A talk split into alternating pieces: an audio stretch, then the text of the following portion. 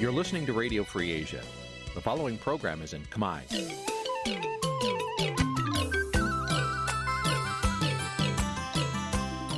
Nǐ chi càm bi tiệp xáy vệt chiu a zì sê ray នេះជាកម្មវិធីផ្សាយរបស់ Vithu Azisari ជាភាសាខ្មែរ វត្តឈូអាស៊ីសេរីសូមស្វាគមន៍លោកអ្នកនាងទាំងអស់ពីរដ្ឋធានី Washington នៃសហរដ្ឋអាមេរិកបាទខ្ញុំបាទយ៉ងច័ន្ទដារា សូមជម្រាបសួរលោកអ្នកនាងអ្នកស្ដាប់វិទ្យុអាស៊ីសេរីទាំងអស់ជាទីមេត្រីខ្ញុំបាទសូមជូនកម្មវិធីផ្សាយសម្រាប់ព្រឹកថ្ងៃសៅរ៍3កើតខែបុស្សឆ្នាំថោះបัญចស័កពុទ្ធសករាជ2567ត្រូវនឹងថ្ងៃទី13ខែមករាគ្រិស្តសករាជ2024បាទជាដំបូងនេះសូមអញ្ជើញអស់លោកអ្នកនាងស្ដាប់ព័ត៌មានប្រចាំថ្ងៃដែលមានមេត្តាដូចតទៅ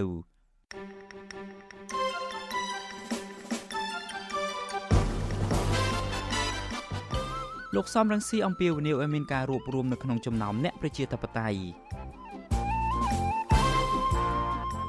កម្ពុជាបន្តជាប់ឈ្មោះជាប្រទេសមានការរំលោភសិទ្ធិមនុស្សធ្ងន់ធ្ងរសង្គមស៊ីវិលថាយុទ្ធនាការប្រឆាំងគ្រឿងញៀនមានប្រសិទ្ធភាពទៅបានទាល់តែលុបបំបាត់អំពើពុករលួយ កសិករខកចិត្តនឹងអាជ្ញាធរដែលមិនជួយដោះស្រាយបញ្ហាទឹកដើម្បីសង្គ្រោះស្រូវប្រាំងរបស់ពួកគាត់រួមនឹងព័ត៌មានសំខាន់សំខាន់មួយចំនួនទៀត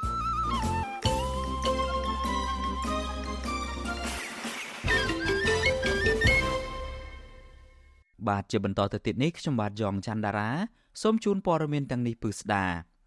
លោកសំរងស៊ីអំពីវនីវដល់តំណាងកម្លាំងប្រជាធិបតេយ្យទាំងអស់ នៅក្នុងប្រទេសកម្ពុជាឲ្យរួបរวมនឹងសហការគ្នាកុំឲ្យមានការវាយប្រហារគ្នាទៅវិញទៅមកហើយត្រូវចែកទូនាទីគ្នាដើម្បីលើកកម្ពស់លទ្ធិប្រជាធិបតេយ្យនិងទទួលបានជ័យជំនះរួមអ្នកខ្លោមើលការបោះឆ្នោតលើកឡើងថាគណៈបកទាំងពីរគួរតែចែកមណ្ឌលគ្នាដើម្បីកុំឲ្យបាត់សម្លេងបាទកញ្ញាខាន់លក្ខណារាយការណ៍ព័ត៌មាននេះ ក្នុងសារលិខិតផ្ញើទៅតំណាងកម្លាំងប្រជាធិបតេយ្យចុះថ្ងៃទី11មករាឆ្នាំ2024បង្ហោះលើគេហទំព័រ Facebook លោកសំរងស៊ីថា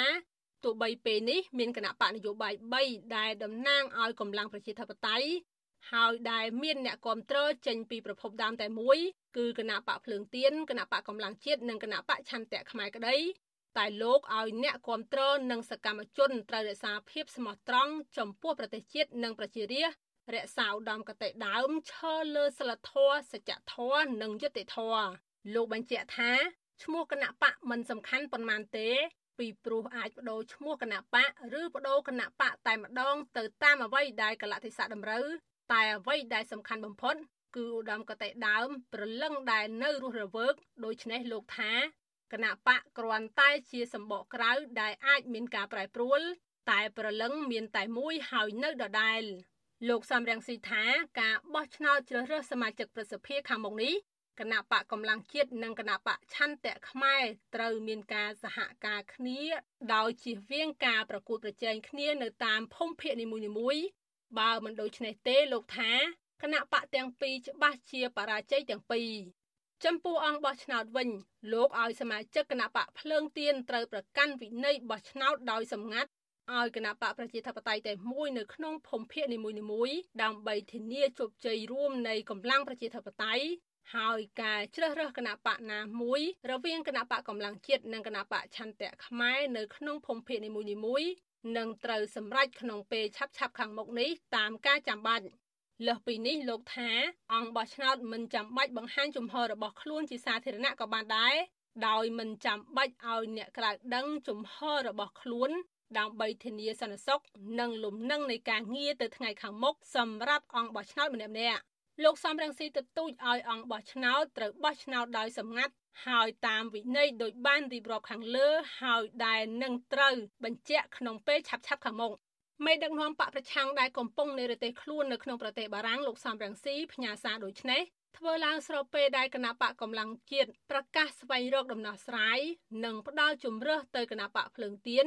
គួរចែកភូមិភាគគ្នាឈរឈ្មោះសម្រាប់ការបោះឆ្នោតប្រសិទ្ធភាពក្នុងខែកុម្ភៈខាងមុខលើសពីនេះការចេញសាររបស់លោកសំរងស៊ីត្រូវបានសកម្មជននិងអ្នកគាំទ្របានចែករំលែកតៗគ្នាដោយបង្ហាញការគាំទ្រទីប្រឹក្សាគណៈបកកម្លាំងជាតិលោករងឈុនប្រាប់វិសុអាស៊ីសេរីនៅថ្ងៃទី12មករាដោយចាត់ទុកសាររបស់លោកសំរងស៊ីថាជាសារដ៏ល្អលោកបន្ថែមថា បើអ្នកប្រជាធិបតេយ្យដើរផ្លូវបែកគ្នានឹងធ្វើឲ្យបរាជ័យដូច្នេះមានតែវិធីរួបរមនិងអង្គុយជជែកគ្នាបើទោះបីជាការបោះឆ្នោតប្រសិទ្ធភាពខាងមុខមានគណៈបក2ដែលទទួលពីគណៈបកភ្លើងទៀនតែមួយក៏ដោយយើងគិតថាមានរូបមន្តចែកភូមិភាគគ្នាទេដែលជារូបមន្តឈ្នះឈ្នះទាំងអស់គ្នាហើយគណៈបកកម្លាំងជាតិមើលឃើញច្បាស់ណាស់ថាបើយើង ប្រជែងគ្នាពេលហ្នឹងយើងនឹងចាញ់ចាញ់ទាំងអស់គ្នាហើយអ្នកដែលឈ្នះគឺគណៈបកកាន់អំណាចអញ្ចឹងអ្វីដែលគាត់លើកឡើងវាជារឿងមួយត្រឹមត្រូវអនុប្រធានគណៈបកភ្លើងទៀនលោកសុនឆៃបានសម្ដែងការគាំទ្រចំពោះសារលោកសំរងស៊ីដោយថាបើទោះបីគណៈបកទាំងនោះចេញពីប្រភពណាក៏ដោយ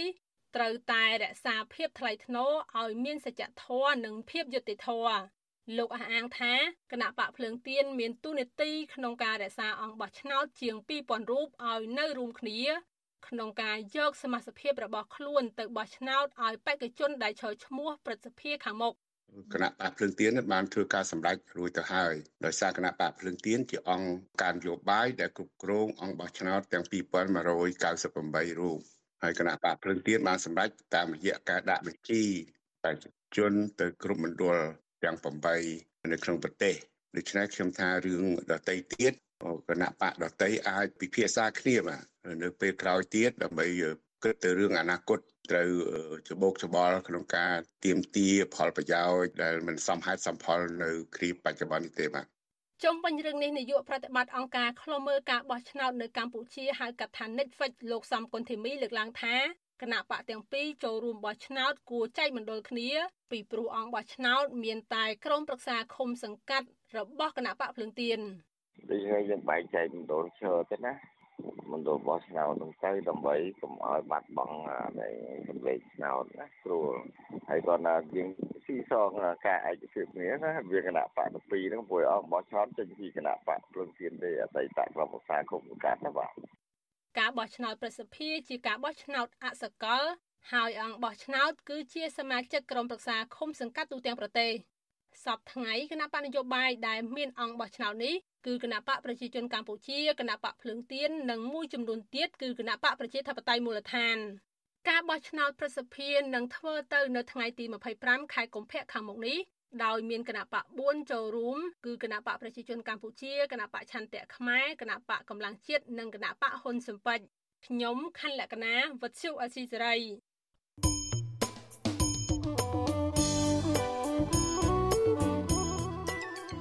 លោកអ្នកនាងជាទីមេត្រី ដំណើរគ្នានឹងស្ដាប់ការផ្សាយរបស់វិទ្យុអាស៊ីសេរីតាមបណ្ដាញសង្គម Facebook YouTube និង Telegram លោកអ្នកនាងក៏អាចស្ដាប់កម្មវិធីផ្សាយរបស់យើងតាមរយៈវិទ្យុរលកថេដាកាខ្លី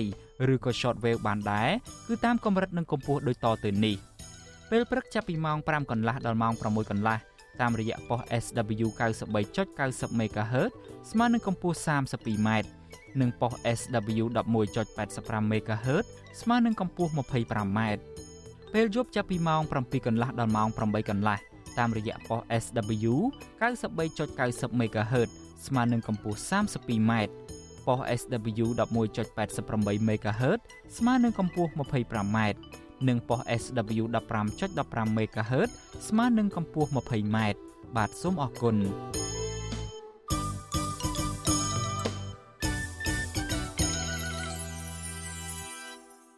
បាទលោកនាងជាទីមេត្រីតកតងទៅនឹងរឿងសិទ្ធិមនុស្សនិងប្រជាធិបតេយ្យនេះដែរ មន្ត្រីសិទ្ធិមនុស្សនិងអ្នកខ្លំមើលពីបញ្ហាសង្គមលើកឡើងថារដ្ឋាភិបាលរបស់លោកហ៊ុនម៉ាណែតលំមដល់ពេលបង្ហាញពីឆន្ទៈពិតប្រាកដនៅក្នុងការស្ដារប្រជាធិបតេយ្យនិងការគោរពសិទ្ធិមនុស្សឲ្យប្រសើរជាងអាណត្តិមុនដែលដឹកនាំដោយឪពុករបស់លោកដើម្បីជាផុតពីទណ្ឌកម្មសម្រាប់ផលប្រយោជន៍ជាតិសំណើនេះធ្វើឡើងក្រោយពីអង្គការឃ្លាំមើលសិទ្ធិមនុស្សអន្តរជាតិ Human Rights Watch ចេញផ្សាយរបាយការណ៍ប្រចាំឆ្នាំដោយរកឃើញថា ស្ថានភាពរំលោភសិទ្ធិមនុស្សនៅកម្ពុជាកាន់តែអាក្រក់សម្រាប់ឆ្នាំ2023បើទោះបីជាកម្ពុជាបានផ្លាស់ប្តូរនាយករដ្ឋមន្ត្រីពីឪពុកគឺលោកហ៊ុនសែនឲ្យទៅកូនគឺលោកហ៊ុនម៉ាណែតយ៉ាងណាក្តីបាទលោកច័ន្ទដារ៉ូរាយការណ៍ព័ត៌មាននេះក្រមមន្ត្រីសិទ្ធិមនុស្សនិងអ្នកខ្លំមើលព្រួយបារម្ភអំពីការរំលោភសិទ្ធិមនុស្សនិងការធ្លាក់ចុះប្រជាធិបតេយ្យធ្ងន់ធ្ងរនៅកម្ពុជា ពួកគេចង់ឃើញរដ្ឋាភិបាលកម្ពុជា ទទួលយកអនុសាសន៍របស់ភាគីពាក់ព័ន្ធទៅពិនិត្យដោះស្រាយឲ្យមានប្រសិទ្ធភាពគណៈរដ្ឋាភិបាល មានកាតព្វកិច្ចអនុវត្តកតិកាសញ្ញាស្តីពីសិទ្ធិមនុស្សនិងកិច្ចព្រមព្រៀងនានាដែលកម្ពុជាផ្ដល់សច្ចាប័នកន្លងទៅអ្នកនាំពាក្យសមាគមការពារសិទ្ធិមនុស្សអាត់ហុកលោកសឹងសែនករណីថ្លែងថា អង្គការសិទ្ធិមនុស្សក្នុងស្រុក បានរកឃើញករណីរំលោភបំពានលើសិទ្ធិសេរីភាព ជាមូលដ្ឋានរបស់ពលរដ្ឋបានកើនឡើង ជាពិសេស ការអនុវត្តសិទ្ធិផ្នែកនយោបាយកាន់តែយ៉ាប់យ៉ឺននៅឡើយលោក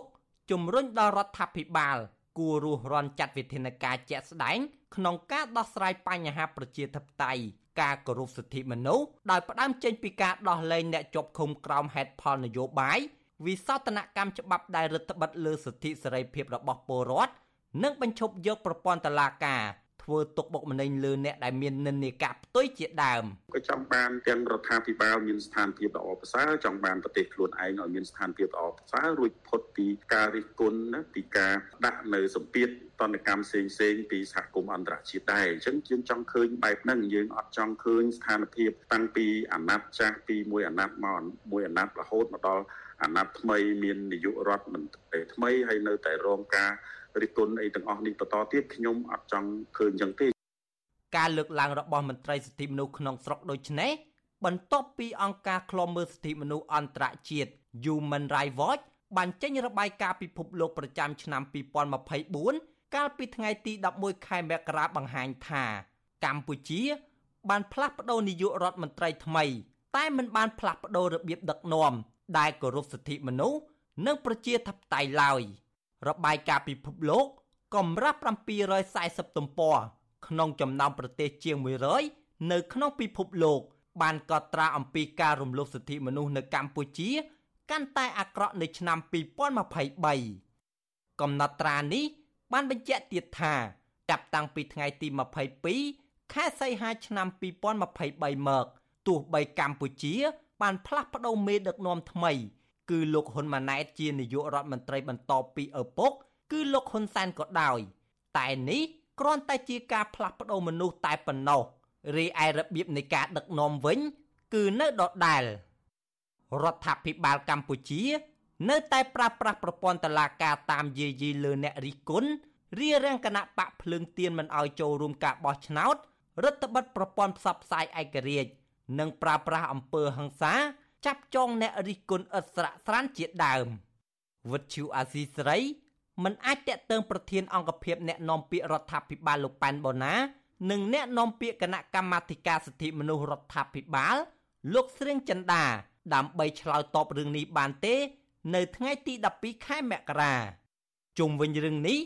អ្នកជំនាញវិទ្យាសាស្ត្រនយោបាយនិងទំនាក់ទំនងអន្តរជាតិលោកអែមសវណ្ណរាលើកឡើងថា របាយការណ៍របស់អង្គការសិទ្ធិមនុស្ស Human Rights Watch មានឥទ្ធិពលផ្នែកនយោបាយនិងការទូតជាដើម។លោកបន្ថែមថារបាយការណ៍នេះក៏មានសារៈសំខាន់និងជាសារដាស់តឿនដល់រដ្ឋាភិបាលអាណត្តិទី7ឲ្យដើរតាមគន្លងប្រជាធិបតេយ្យតាមរយៈការឆ្លើយតបដោះស្រាយជាវិជ្ជមាន ជាជាងការដោះសារយករួចខ្លួន ដែលសហគមន៍អន្តរជាតិមិនទទួលយកបាន លោកអែមសវណ្ណរាបញ្ជាក់ថាប្រសិនបើរដ្ឋាភិបាល នៅតែគ្មានឆន្ទៈក្នុងការកែលម្អស្ថានភាពប្រជាធិបតេយ្យនិងការគោរពសិទ្ធិមនុស្សឲ្យប្រសើរឡើងវិញទេ គឺបញ្ហានេះនឹងធ្វើឲ្យកម្ពុជា បាត់បង់ឱកាសកសាងទំនាក់ទំនងល្អទាំងផ្នែកការទូតពាណិជ្ជកម្មជាមួយប្រទេសប្រជាធិបតេយ្យធំធំ ហើយធ្ងន់ធ្ងរជាងនេះកម្ពុជានឹងអាចទទួលរងទណ្ឌកម្មបន្ថែមទៀតយើងគួរតែធ្វើឲ្យបានពេញលេញយើងមិនគួរមានតែនៅក្នុងក្របខ័ណ្ឌនៃច្បាប់ទេច្បាប់ទាំងអស់នេះយើងបានមកបញ្ចូលនៅក្នុងរដ្ឋធម្មនុញ្ញភាគច្រើនហើយក៏ប៉ុន្តែខ្លឹមសារនឹងលើកអនុវត្តអត់ទាន់បានពេញលេញធ្វើឲ្យពលរដ្ឋកម្ពុជាអត់ទទួលបានទួលផលពេញលេញដែរអត់ទាន់បានរស់នៅក្នុងសង្គមប្រជាធិបតេយ្យពេញលេញទេបាទអញ្ចឹងគួរតែអ្នកនយោបាយដែលមានសិទ្ធិសម្រេចគួរតែពិចារណាហើយបើសិនបើមិនពិចារណាទេប្រជាពលរដ្ឋនៅថ្ងៃអនាគតគាត់ធ្វើការសម្រេចចិត្តផ្សេងហើយព្រោះនេះគឺពាក់ព័ន្ធទៅនឹងសិទ្ធិអំណាចរបស់គាត់ដែរនៅពេលបោះឆ្នោតណានាយករងទទួលបន្ទុកតំបន់អាស៊ីលោក Phil Robertson មានប្រសាសន៍ថាការផ្លាស់ប្តូរនយោបាយនៅកម្ពុជាឲ្យលោកហ៊ុនម៉ាណែតធ្វើជានាយករដ្ឋមន្ត្រីថ្មីនេះប្រៀបដូចជាយកស្រាចាស់ដាក់ក្នុងដបថ្មីអញ្ចឹងដែរនេះបាននិយាយអំពីសិទ្ធិមនុស្សសេរីភាព និងប្រជាធិបតេយ្យលោកបន្ថែមថាដៃគូពាណិជ្ជកម្មរបស់កម្ពុជា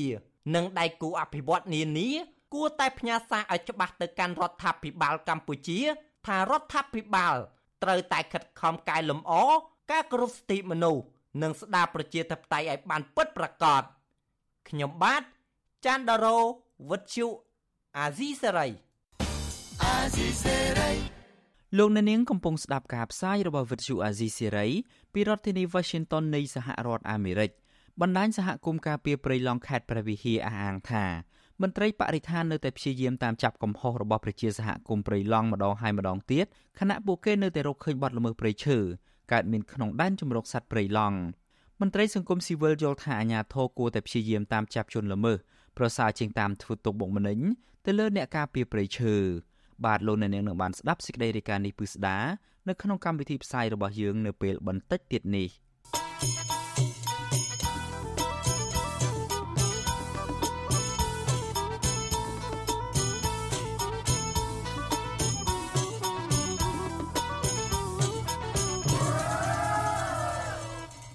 បាទលោកអ្នកនាងជាទីមេត្រីអ្នកខ្លំមើលរិះគន់ការតែងតាំងអតីតប្រធានគណៈកម្មាធិការជារៀបចំការបោះឆ្នោតហៅកាត់ថាកោជបគឺលោកស៊ីកប៊ុនហុកគឺជាទីប្រឹក្សារដ្ឋាភិបាលក៏ប៉ុន្តែអ្នកនាំពាក្យគណៈបកកណ្ដាលអំណាចលើកឡើងថាការតែងតាំងនេះពុំមែនជាការតបស្នងអ្វីដល់លោកស៊ីកប៊ុនហុកនោះទេ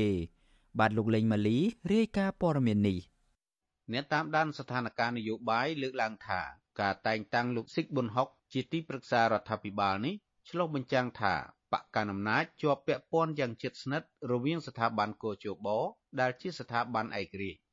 អ្នកប្រឹក្សាយោបល់ផ្នែកអភិវឌ្ឍផ្នត់គំនិតនិងការស្រាវជ្រាវបណ្ឌិតសេកសុជាតិប្រាប់វិទ្យុអស៊ីសេរីនៅថ្ងៃទី11មករាថាករណីនេះពុំមែនជារឿងថ្មីទេហើយបកកណ្ដាលអំណាចតែងតែផ្ដាល់តំណែងនិងទួនាទីធំធំដល់អ្នកទាំងឡាយណាដែលបានផ្ដាល់ប្រយោជន៍ដល់បកលោកថាការធ្វើបែបនេះពុំផ្ដាល់គំរូល្អដល់សង្គមជាតិនោះទេ ការងារដែលពាក់ព័ន្ធជាមួយនឹងគណៈបកនយោបាយរបស់អ្នកដែលធ្វើការនៅក្នុងក្របខ័ណ្ឌឯករាជ្យគឺជាគំរូមួយដែលមើលឃើញថាបង្កើតឲ្យមានអយុត្តិធម៌ហើយនិងភាពលំអៀងដោយសារតែពួកគាត់ជាបុគ្គលរបស់បកហើយមកកាន់កិច្ចការតម្លាភាពហើយកិច្ចការឯករាជ្យគឺខ្ញុំគិតថាវាមិនទៅរួចហើយវាគឺជាឧបសគ្គមួយដ៏ធំនិងជាដើមហេតុដែលធ្វើឲ្យមានការវាតម្លៃអវិជ្ជមានទៅដល់របៀបនៃការដឹកនាំនិងការចាត់ចែងការងាររបស់រដ្ឋាភិបាល ស្រដៀងគ្នានេះដែរអ្នកជំនាញផ្នែកវិទ្យាសាស្ត្រនយោបាយលោកអែមសវណ្ណរាយល់ថាការតែងតាំងអិសរាជជនឬអតីតមន្ត្រីកោជបណាមួយឲ្យមានតួនាទីនៅក្នុងជួររដ្ឋាភិបាលគួរតែធ្វើឡើងដោយការប្រុងប្រយ័ត្នជៀសវាងការរិះគន់អំពីការជ្រៀតជ្រែកផលប្រយោជន៍នយោបាយរវាងបកកណ្ដាលអំណាចនិងស្ថាប័នកោជបបើទោះជាបុគ្គលនេះបានលាលែងតំណែងពីស្ថាប័នកោជបរួចហើយក្តី។ ដើម្បីកសាងជំនឿជឿជាក់ទៅប្រជាពលរដ្ឋបានគណៈកម្មការជាតិរៀបចំការបោះឆ្នោតនឹងគួរតែ មានយន្តការច្បាប់មួយបញ្ជាក់ពីអិសរាជជននយោបាយដែលធ្វើឬក៏អិសរាជជនគណៈកម្មការជាតិរៀបចំការបោះឆ្នោតហ្នឹងมันអាចទៅប្រឡូកនៅក្នុងនយោបាយឬក៏មន្ត្រីនយោបាយនៅក្នុងរយៈកាលណាមួយ5ឆ្នាំឬក៏ពីពីអាណត្តិទៅ10ឆ្នាំអីចឹងបើមនុស្សឆ្លោះទេគណៈកម្មការជាតិរៀបចំការបោះឆ្នោតហ្នឹងនឹងរងនៅឥទ្ធិពលនៃការបាត់បង់ជំនឿពីប្រជាពលរដ្ឋកាន់តែច្រើនទៅទៀត វិទ្យុអស៊ីសេរីពុំអាចតាក់ទងប្រធានអង្គភិបអ្នកណែនាំពាក្យរដ្ឋាភិបាលលោកប៉ែនបូណា និងអតីតប្រធានកោជបលោកស៊ីកប៊ុនហុកដើម្បីឆ្លើយតបជុំវិញបញ្ហានេះបានទេនៅថ្ងៃទី11មករាប៉ុន្តែអ្នកនាំពាក្យគណៈបកប្រជាជនកម្ពុជាលោកសុកអេសានប្រាប់វិទ្យុអស៊ីសេរីថាការរិះគន់អំពីការតែងតាំងលោកស៊ីកប៊ុនហុកគឺដើម្បីវាយប្រហារលើរដ្ឋាភិបាល អត់មានខុសច្បាប់ទេនិយាយអត់មានខុសច្បាប់ទេសិទ្ធិរបស់គណៈបកកណ្ដាលអំណាចមានសិទ្ធិគ្រប់គ្រាន់ក្នុងការតែងតាំងមន្ត្រីណាដែលមានលក្ខណៈសម្បត្តិត្រឹមត្រូវអត់មានកំណោះជាមួយនឹងច្បាប់ត្រង់ថាអ្នកវិភាគនិយាយអីនិយាយទៅកុំទៅឈឺក្បាលលោកស៊ីកប៊ុនហុកត្រូវបានរដ្ឋសភាបោះឆ្នោតតែងតាំងជាប្រធានគណៈកម្មាធិការជាតិរៀបចំការបោះឆ្នោតកាលពីខែមេសាឆ្នាំ2015ហើយអំឡុងការកាន់តំណែងជិត6ឆ្នាំមកនោះ លោកត្រូវបានគេរិះគន់ថាជាអ្នកចូលរួមយកអាសនៈរបស់គណៈបកសង្គ្រោះជាតិទៅចែកឲ្យបកដតីផ្ទុយពីឆន្ទៈរាក្រោយពីតុលាការកំពូលស្ថិតក្រោមអធិបុលរបស់បកកណ្ដាលអំណាចរំលាយគណៈបកនេះកាលពីចុងឆ្នាំ2017លោកស៊ីកប៊ុនហុកបានដាក់ពាក្យលាឈប់ពីប្រធានកោជបកាលពីខែមិថុនាឆ្នាំ2023ដោយលោកអះអាងអំពីហេតុផលថាបញ្ហាសុខភាពខ្ញុំបាទលេងម៉ាលីវិទ្យុអស៊ីសេរី Washington លោកអ្នកនាងកញ្ញាជាទីមេត្រីវិទ្យុអាស៊ីសេរីសូមជូនដំណឹងថាយើងគ្មានអ្នកយកព័ត៌មានប្រចាំនៅប្រទេសកម្ពុជាទេប្រសិនបើមានជនណាម្នាក់អះអាងថាជាអ្នកយកព័ត៌មានឲ្យវិទ្យុអាស៊ីសេរីនៅកម្ពុជានោះគឺជាការក្លែងបន្លំយកឈ្មោះអាស៊ីសេរីទៅប្រើនៅក្នុងគោលបំណងទុច្ចរិតណាមួយរបស់បុគ្គលនោះតែប៉ុណ្ណោះបាទសូមអរគុណ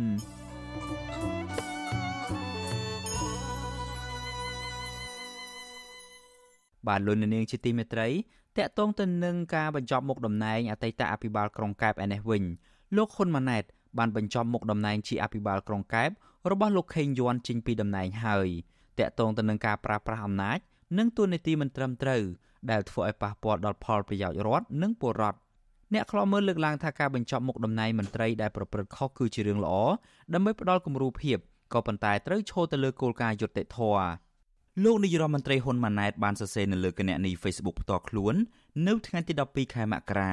ដោយភ្ជាប់ជាមួយអានអ៊ុក្រិតថាលោកត្រូវបញ្ចប់មុខតំណែងអភិបាលក្រុងកែបក្រោយពីអង្គភាពប្រឆាំងអំពើពុករលួយរកឃើញថាលោកខេងយ័ន្តបានប្រើប្រាស់អំណាចនិងទូនាទីប្រព្រឹត្តអំពើប៉ះពាល់ដល់ផលប្រយោជន៍រដ្ឋនិងផលប្រយោជន៍ពលរដ្ឋជាច្រើនអ្នកប្រឹក្សាយោបល់ផ្នែកអភិវឌ្ឍផ្នត់គំនិតនិងការស្រាវជ្រាវលោកសីសុជាតិប្រាប់វិទ្យុអាស៊ីសេរីនៅថ្ងៃទី12មករាថា ករណីបញ្ចប់តំណែងអភិបាលក្រុងកែបលោកខេងយ័ន្តគឺជារឿងល្អ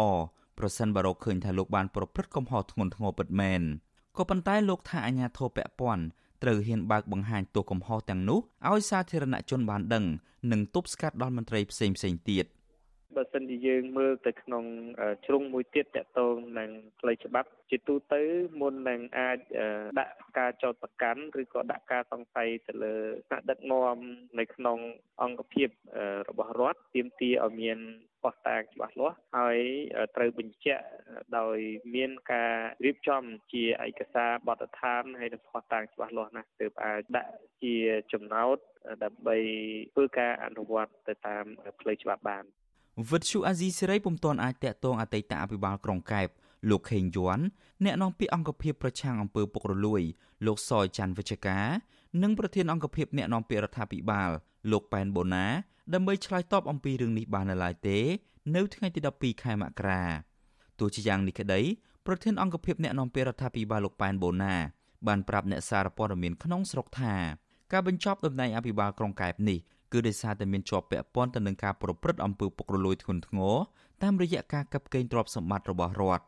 ការបញ្ចប់តំណែងអភិបាលក្រុងកែបរូបនេះមានរយៈពេល10ថ្ងៃក្រោយពីអង្គភាពប្រឆាំងអំពើពុករលួយ បានចាប់លោកខេងយ័ន្តនិងនាយករដ្ឋបាលក្រុងកែបគឺលោកអិនហ៊ុនបន្ទាប់ពីចេញពីប្រជុំកាលពីថ្ងៃទី2មករាក៏ប៉ុន្តែក្រោយមកក៏បានដោះលែងវិញដោយអះអាងថាជាការភ័ន្តច្រឡំលោកហ៊ុនម៉ាណែតបានសរសេរបញ្ជាក់លើ Facebook របស់លោកបន្ថែមថា រដ្ឋាភិបាលប្រកាន់ជំហរយ៉ាងម៉ឺងម៉ាត់ដើម្បីអនុវត្តអភិក្រមទី5គឺការវះកាត់ឬដកតំណែងមន្ត្រីដែលបានប្រព្រឹត្តអំពើខុសឆ្គងនាំឲ្យប៉ះពាល់ធ្ងន់ធ្ងរដល់ផលប្រយោជន៍របស់ជាតិនិងប្រជាជនក៏ប៉ុន្តែអ្នកតាមដានបញ្ហាសង្គមលើកឡើងថាការអះអាងរបស់រដ្ឋាភិបាលបានតែចំពោះមន្ត្រីដែលពុំសូវមានអំណាចនិងគ្មានបកពួកប៉ុណ្ណោះចំណែកមន្ត្រីដែលស្និទ្ធនឹងរដ្ឋាភិបាលវិញពួកគេអាចរួចខ្លួនជាឧទាហរណ៍ ក្រុមអុកញ៉ាមួយចំនួនដូចជាសមាជិកប្រសិទ្ធិគណៈបកប្រជាជនកម្ពុជាគឺលោកលីយ៉ុងផាត់ដែលរងការចោទថាមានជាប់ពាក់ព័ន្ធទៅនឹងការរំលោភយកដីពលរដ្ឋនៅក្នុងខេត្តកោះកុងរាប់ម៉ឺនហិកតានិងអង្គញាត្រីភិបដែលជាទីប្រឹក្សាផ្ទាល់របស់លោកហ៊ុនសែនរងការចោទថាជាប់ពាក់ព័ន្ធទៅនឹងការរកស៊ីឈើខុសច្បាប់ដ៏ធំនៅកម្ពុជា អ្នកទាំងនោះមិនត្រូវបានដាក់ទោសនោះទេចំណែកអង្គភាពប្រឆាំងអំពើពុករលួយវិញពុំធ្វើការស៊ើបអង្កេតនោះដែរ ចាប់តាំងពីមានការផ្លាស់ប្តូរនាយរដ្ឋមន្ត្រីថ្មីគឺលោកហ៊ុនម៉ាណែតបន្តពីលោកហ៊ុនសែនមក គេសង្កេតឃើញថារដ្ឋាភិបាលបានដកហូតមុខតំណែងមន្ត្រីនគរបាលជាបន្តបន្ទាប់ចាប់តាំងពីដើមខែមករាមានមន្ត្រីនគរបាល12នាក់ត្រូវបានបណ្តេញចេញពីក្របខ័ណ្ឌដោយសារតែមូលហេតុល្មើសវិន័យរបស់កងកម្លាំងនគរបាលជាតិលើពីនេះទៅទៀត កាលពីចុងឆ្នាំ2023ក្រសួងមហាផ្ទៃបានសម្រេចផ្ទេរភារកិច្ចមន្ត្រីនគរបាលជាតិ50រូបចេញពីលេខាធិការដ្ឋាននៃគណៈកម្មាធិការប្រយុទ្ធប្រឆាំងផលិតផលคล้ายៗក្រោយពីផ្ទុះរឿងអាស្រូវទារប្រាក់ចំនួន100000ដុល្លារអាមេរិកមន្ត្រីសង្គមស៊ីវិលនិងប្រជាពលរដ្ឋចង់ឃើញរដ្ឋាភិបាលពង្រឹងការអនុវត្តច្បាប់ឲ្យបានតឹងរឹង ចំពោះមន្ត្រីណាដែលប្រព្រឹត្តកំហុសដូចជាការប្រព្រឹត្តអំពើពុករលួយជាប្រព័ន្ធការរំលោភយកដីធ្លីពលរដ្ឋការជួញដូរឈើខុសច្បាប់និងការជួញដូរគ្រឿងញៀនជាដើម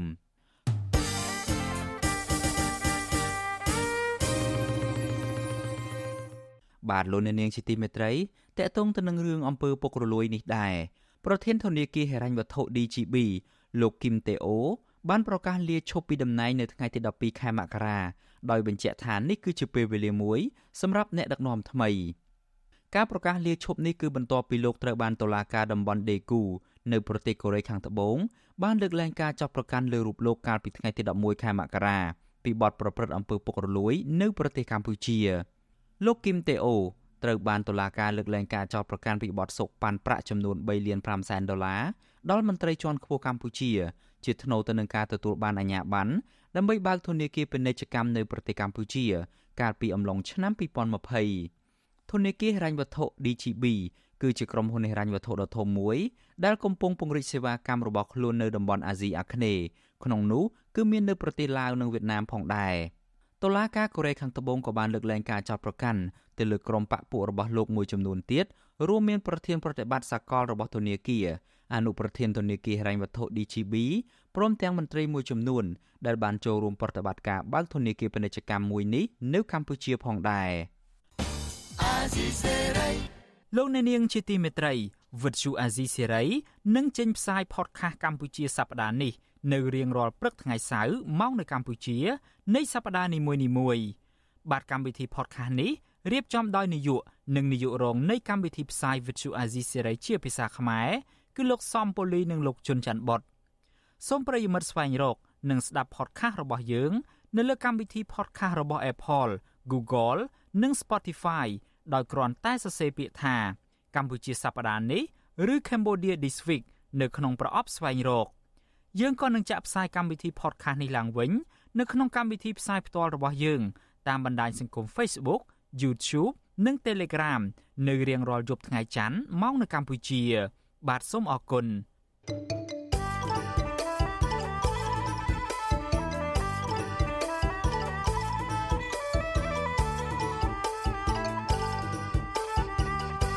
លោកអ្នកនាងកំពុងស្ដាប់ការផ្សាយរបស់ Vuthu Azizi Serai ពីរដ្ឋធានី Washington នៃសហរដ្ឋអាមេរិកក្រុមយុវជនមួយចំនួនសម្ដែងការសោកស្ដាយដែលរដ្ឋាភិបាលបណ្ដេញជនជាតិអាល្លឺម៉ង់ម្នាក់ពីកម្ពុជាក្រោយពីជនបរទេសរូបនេះបានចូលរួមសកម្មភាពដើម្បីការពារកោះកងក្រៅមន្ត្រីសង្គមស៊ីវិលលើកឡើងថាការបណ្ដេញជនជាតិអាល្លឺម៉ង់ចេញពីកម្ពុជាទាំងគ្មានកំហុសនេះគឺមិនផ្ដល់ផលចំណេញឲ្យកម្ពុជាឡើយបាទយើងប្រកុលនេតិនេះជូនលោកសេកបណ្ឌិតរាយការណ៍ជូនលោកអ្នកនាង ក្រមយុវជនរិះគន់រដ្ឋាភិបាល ដែលបណ្ដេញយុវជនបរទេសម្នាក់ជាជនជាតិអាល្លឺម៉ង់ចេញពីកម្ពុជាទាំងបង្ខំគឺលោកចានីហ្គលថាជាការរើសអើងអ្នកគិតពីប្រយោជន៍ជាតិនិងជាការរឹតបន្តឹងសិទ្ធិសេរីភាព ដែលអាចធ្វើឲ្យប៉ះពាល់មុខមាត់កម្ពុជាយុវជនសកម្មជនការងារសង្គមកញ្ញាជៀនសុណាប្រាប់ពទ្យុអសីសេរីនៅថ្ងៃទី12ខែមករាថា ការបណ្ដេញលោកចានីហ្គលចេញពីកម្ពុជា គឺបង្ហាញពីការរើសអើងនិងជាការអនុវត្តផ្ទុយពីច្បាប់រដ្ឋធម្មនុញ្ញកញ្ញាសង្កេតឃើញថាជនបរទេសដូចជាជនជាតិចិន និងវៀតណាម ដែលរំលោភសិទ្ធិមនុស្សនិងបង្កអសន្តិសុខសង្គមត្រូវបានការពារដោយរដ្ឋាភិបាល ដែលផ្ទុយពីជនបរទេសដែលស្រឡាញ់ការពារប្រយោជន៍រួមឲ្យកម្ពុជា។អញ្ចឹងសួរថាតើ ឈ្មោះដែលយើងមានថាលទ្ធិប្រជាធិបតេយ្យសេរីពហុបកហ្នឹងថាតើវាសមស្របដែរអត់ឬមួយក៏វាដូចទៅនឹងរបបខ្មែរក្រហមដែលមានឈ្មោះត្រឹមតែកម្ពុជាប្រជាធិបតេយ្យប៉ុន្តែបែរជាមានការសម្លាប់មនុស្សមានការជិះជាន់មានការបិទសិទ្ធិសេរីភាពយើងមិនចង់ឃើញរូបភាពបែបហ្នឹងទេហើយតាក់ទងទៅនឹងវប្បធម៌ក្តីត្រួយហ្នឹងក៏ដូចគ្នាដែរមានយុវជនមួយចំនួនបង្ហោះសារប្រងព្រឹត្តលើបណ្ដាញសង្គម Facebook បង្ហាញពីការសោកស្ដាយនិងអរគុណលោកចានីហ្គល ដែលចូលរួមការពារធនធានធម្មជាតិកម្ពុជា ដោយមិនគិតពីផលប្រយោជន៍ផ្ទាល់ខ្លួនជាដើមកាលពីថ្ងៃទី7មករាស្នងការដ្ឋាននគរបាលរាជធានីភ្នំពេញបានឃាត់ខ្លួនក្រុមយុវជនចលនាមេដាធម្មជាតិ13នាក់ទៅសាកសួរក្នុងនោះ មានលោកចានីហ្គួលម្នាក់ផងដែរការឃាត់ខ្លួននោះគឺបន្ទាប់ពីពួកគេជួបជុំគ្នានៅមាត់ទន្លេដើម្បីហាត់ប្រាណនិងជជែកពីបញ្ហាកោះកុងក្រៅហើយមន្ត្រីនគរបាលអន្តោប្រវេសន៍ បានសាកសួរលោកចាន់នីហ្គលអស់ជាច្រើនម៉ោងព្រមទាំងឲ្យលោកធធ្វើលិខិតទទួលស្គាល់កំហុសនិងបង្ខំឲ្យលោកចាក់ចេញពីកម្ពុជាដោយឡែកសកម្មជនចលនាមេដាធម្មជាតិកញ្ញាភូនកៅរស្មីឲ្យវិទ្យុអាស៊ីសេរីដឹងថាកញ្ញាសោកស្ដាយដែលអាញាធរបង្ខំឲ្យលោកចាន់នីហ្គលចេញពីកម្ពុជា និងប្រើសារគំរាមធ្ងន់ធ្ងរថានឹងចាប់លោកដាក់ពន្ធនាគារប្រសិនបើលោកមិនត្រឡប់ទៅប្រទេសលោកវិញនោះទេ មនុស្សដែលប្រព្រឹត្តបទល្មើសប៉ុន្តែខ្លាយទៅជាអ្នកស្និទ្ធជាមួយនឹងរដ្ឋាភិបាលជាអ្នកគ្រប់គ្រងរដ្ឋាភិបាលផ្សាយពាណិជ្ជកម្មឲ្យរដ្ឋាភិបាលឧបត្ថម្ភជាឧទ្ធម្ភភេសជ្ជៈឬក៏យន្តហោះអីហ្នឹងទៅឲ្យរដ្ឋាភិបាលឬក៏នាយករដ្ឋមន្ត្រីប្រើប្រាស់ទៅវិញដែលបង្ហាញឲ្យឃើញកាន់តែច្បាស់ពីការទី1វាមិនអាចនិយាយថាអនុវត្តស្មើគ្នាបានទេព្រោះយ៉ាងនេះក៏អត់បានធ្វើអីខុសច្បាប់តែគាត់ត្រូវគេបដិញ្ចេញតែទី2ហ្នឹងយើងបានមើលឃើញពីកំសោយនៃច្បាប់ហើយនឹងពីការខុបខិតបាក់ពួកជាមួយនឹងជនជាតិចិនដែលលំអៀងធ្វើឲ្យមានការយោគយល់ជ្រុលហួសហេតុ កញ្ញាភួនកៅរស្មីបន្ថែមថា បច្ចុប្បន្នលោកចានិច បានទៅដល់ប្រទេសអាល្លឺម៉ង់ហើយកាលពីថ្ងៃទី11ម្សិលមិញប៉ុន្តែលោកនៅតែមិនអស់ចិត្តចំពោះការបណ្ដេញលោកចេញពីកម្ពុជាទាំងគ្មានកំហុសវិទ្យុអសីស្រីនៅមិនទាន់អាចតាក់ទងប្រធានអង្គភិបអ្នកណែនាំពាក្យរដ្ឋាភិបាលលោកប៉ែនបូណាដើម្បីសុំការបកស្រាយជុំវិញបញ្ហានេះបានទេ នៅថ្ងៃទី12មករាទោះជាយ៉ាងណា កាលពីយប់ថ្ងៃទី7មករា ស្នងការដ្ឋាននគរបាលរាជធានីភ្នំពេញបានមហោសារនៅលើទំព័រ Facebook ថាជនបរទេសម្នាក់ដែលត្រូវបានអាជ្ញាធរសាកសួរជាមួយនឹងក្រុមយុវជនចលនាមេដាធម្មជាតិនោះបានស្ម័គ្រចិត្តត្រឡប់ទៅប្រទេសដើមវិញផ្ទុយពីការលើកឡើងនេះលោកចានិច បានប្រាប់កញ្ញាភួនកែរស្មីថាអាញាធរចង់បញ្ជូនលោកត្រឡប់ទៅប្រទេសអាល្លឺម៉ង់វិញនិងឲ្យលោកថតវីដេអូទម្លាក់កំហុសលើយុវជនចលនាមេដាធម្មជាតិថាកុហកលោក ឲ្យចូលរួមសកម្មភាពខុសច្បាប់ជុំវិញបញ្ហានេះប្រធានសមាគមការពារសិទ្ធិមនុស្សអាត6លោកនីសុខា មានប្រសាសន៍ថាការដែលបណ្ដេញជនបរទេសម្នាក់ចេញពីកម្ពុជាបែបនេះវាមិនចំណេញអ្វីនោះទេលោកបន្តថាការធ្វើសកម្មភាពរបស់លោកចានិចមិនមែនជាសកម្មភាពខុសច្បាប់ឡើយប៉ុន្តែគឺជាការចូលរួមការពារផលប្រយោជន៍រួមដើម្បីប្រជាពលរដ្ឋខ្មែរ។ ទាំងប្រជាពលរដ្ឋខ្មែរទាំងប្រជាពលរដ្ឋមិនខ្មែរក៏ដោយណាទាំងបរទេសក៏ដោយបើសិនជាគេមានការឈឺឆ្អាលក្នុងការចូលរួមចំណែកលើកម្ពស់សិទ្ធិមនុស្សលើកម្ពស់ធនធានធម្មជាតិលើកម្ពស់សិទ្ធិសេរីភាពគួរតែរដ្ឋាភិបាលបើកចិត្តឲ្យទូលំទូលាយនៅក្នុងការទទួលយកនៅអ្វីដែលជាសកម្មភាពរបស់គេហើយគាំពៀនឹងការពៀនៅសកម្មភាពរបស់សកម្មជនអ្នកការពារសិទ្ធិមនុស្សទាំងអស់ក្រមយុវជន និងមន្ត្រីអង្គការសង្គមស៊ីវិលចង់ឃើញរដ្ឋាភិបាល បើកលំហសិទ្ធិសេរីភាពដើម្បីឲ្យយុវជន ចូលរួមធ្វើកិច្ចការងារសង្គមបានពេញលេញពួកគាត់ហាងថារដ្ឋាភិបាល គួរតែពិចារណា លើកទឹកចិត្តនិងផ្ដល់សញ្ជាតិឲ្យជនបរទេសរូបណា ដែលជួយដល់សង្គមជាតិខ្មែរពិតប្រាកដខ្ញុំបាទសេកបណ្ឌិតវិទ្យុអសីសេរីពីរដ្ឋធានីវ៉ាស៊ីនតោន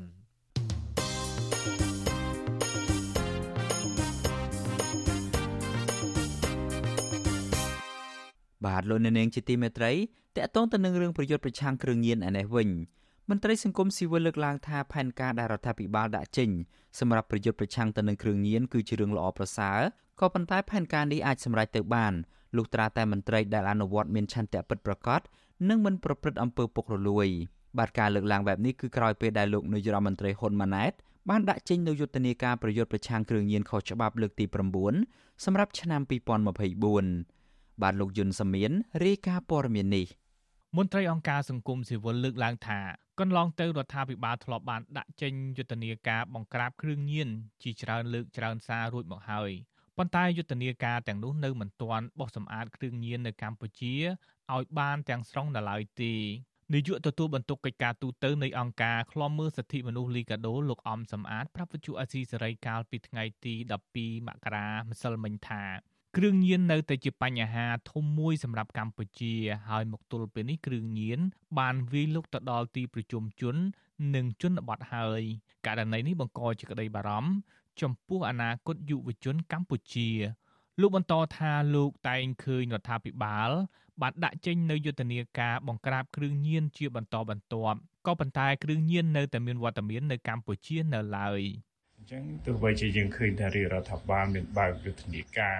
មានចំណាត់ការទៅលើមន្ត្រីដែលពាក់ព័ន្ធជាមួយនឹងគ្រឿងញៀនគឺមន្ត្រីជាពិសេសគឺឃើញថាក្រសួងមហាផ្ទៃបានចាត់វិធានការទៅលើមន្ត្រីនគរបាលដែលពាក់ព័ន្ធជាមួយនឹងគ្រឿងញៀនមានការបណ្ដឹងចេញមានការយកទៅមណ្ឌលបន្សាបគ្រឿងញៀនអីជាដើមក៏ប៉ុន្តែបញ្ហាគ្រឿងញៀននេះនៅតែ បន្តកើតឡើងណាបាទអញ្ចឹងយើងឃើញថាឬគល់ធំបំផុតនៃបញ្ហាគ្រឿងញៀនទី1គឺធ្វើម៉េចតាក់ទងនឹងអង្គើពុករលួយត្រូវទៅលុបបំបាត់ឲ្យអស់ការលើកឡើងបែបនេះធ្វើឡើងបន្ទាប់ពីលោកនាយករដ្ឋមន្ត្រីហ៊ុនម៉ាណែតកាលពីថ្ងៃទី11ខែមករាបានដាក់ចេញនៅផែនការយុទ្ធនាការប្រឆាំងគ្រឿងញៀនខុសច្បាប់លើកទី9សម្រាប់ឆ្នាំ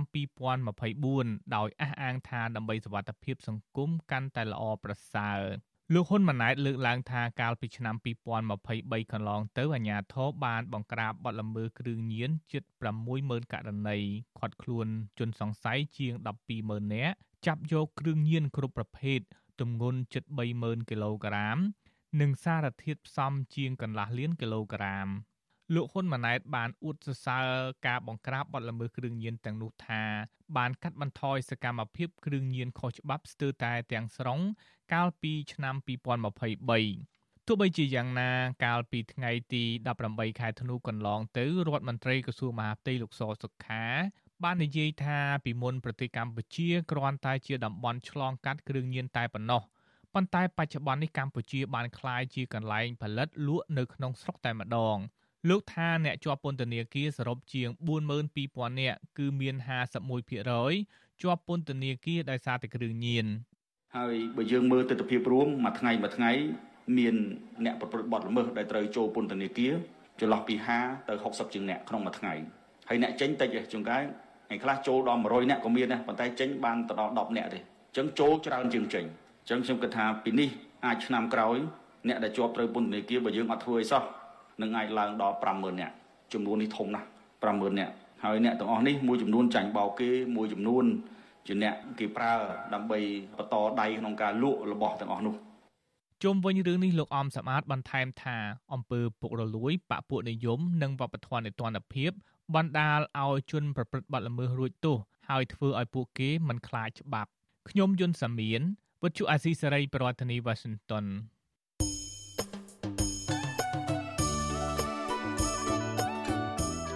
លោកអ្នកនាងជាទីមេត្រី ក្រៅពីការតាមដានកម្មវិធីផ្សាយរបស់ Vuthu Azizi Serai នៅតាមបណ្ដាញសង្គម Facebook YouTube និង Telegram លោកអ្នកនាងក៏អាចតាមដានកម្មវិធីផ្សាយរបស់យើងនៅតាមរយៈបណ្ដាញ Instagram បានដែរតាមរយៈតំណ link ដែលមានអាសយដ្ឋាន www.instagram.com/rfa ខ្មែរ